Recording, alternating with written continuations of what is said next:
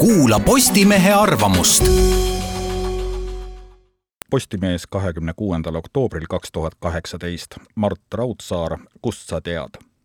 kui ma veel ülikoolis õpetasin, šokeerisin aeg-ajalt auditooriumi mõttega, et jutud ajaloo lõpust on liialdatud. vaid paarkümmend aastat tagasi meeldis meile mõelda, et keskaegsed rahutused, sõjad ja küüditamine on jäänud igaveseks minevikku ning on saabumas igavene rahuaeg, seda vähemalt meie aladel. Sellist mõttemaailma kehastas Francis Fukuyama oma raamatus Ajaloo lõpp ja viimane inimene, kelle meelest ideoloogiate võitlus on lõppemas ning oleme nägemas liberaalse demokraatia pöördumatut võidukäiku. praegu olen üha enam veendunud, et tühikäigule jäetud demokraatia laguneb nagu liivaloss mererannal. demokraatia ei ole asi iseeneses, vaid selle moodustavad inimesed, kes suudavad lahendada oma erimeelsusi rahumeelselt ega tapa üksteist ära ning valimised kaotanud vähemusele jäävad alati nende õigused. nii nagu on demokraatias tagatud sõnavabadus, ettevõtlusvabadus, usuvabadus ja teised liberaalse demokraatia isikuvabadused.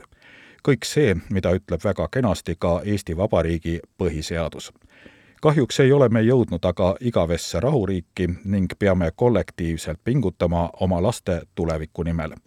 halb sõnum on see, et demokraatiat lõhub igaühe õigus argumenteerimata seisukohale, mida võimendab sotsiaalmeedia, tabuteemade levik, niinimetatud poliitkorrektsus ning paljudes riikides poliittehnoloogiale, lühikesele valimistsüklile keskendunud poliitiline agenda avaliku arvamuse veski jahvatamise tsükkel üha kiireneb ning panused üha suurenevad.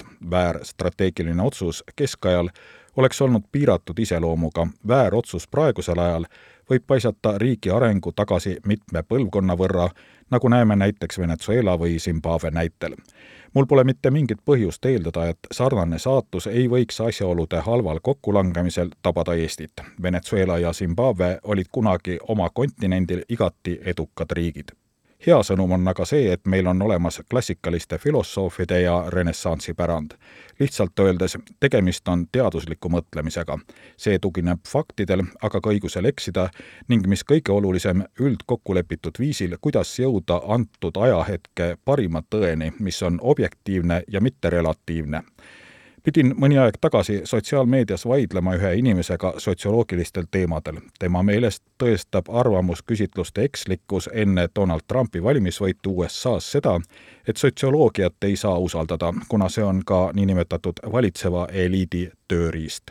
Illuminaatide vandenõuni on siit veel vaid üks samm. mina ütlen, et erand kinnitab reeglit ning üldreeglina on representatiivse valimi reegleid järgiv sotsioloogia väga hea ja usaldatav tööriist. mis oleks alternatiiv, kas Facebooki kõlakamber, kus kõnelejat ümbritsevad kaasakiitjad?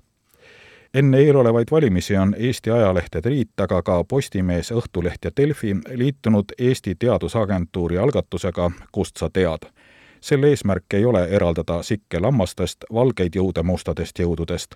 selle eesmärk ei ole välja töötada poliitikasoovitusi, algatuse eesmärk on tõsta au sisse fakte ja teaduslikku teadmist austav poliitika meie jaoks on oluline, et poliitikud ütlevad, millistele faktidele, uuringutele või analoogidele nende plaanid tuginevad ning et nad oskaksid vahet teha faktil ja pelgal muljel või arvamusel.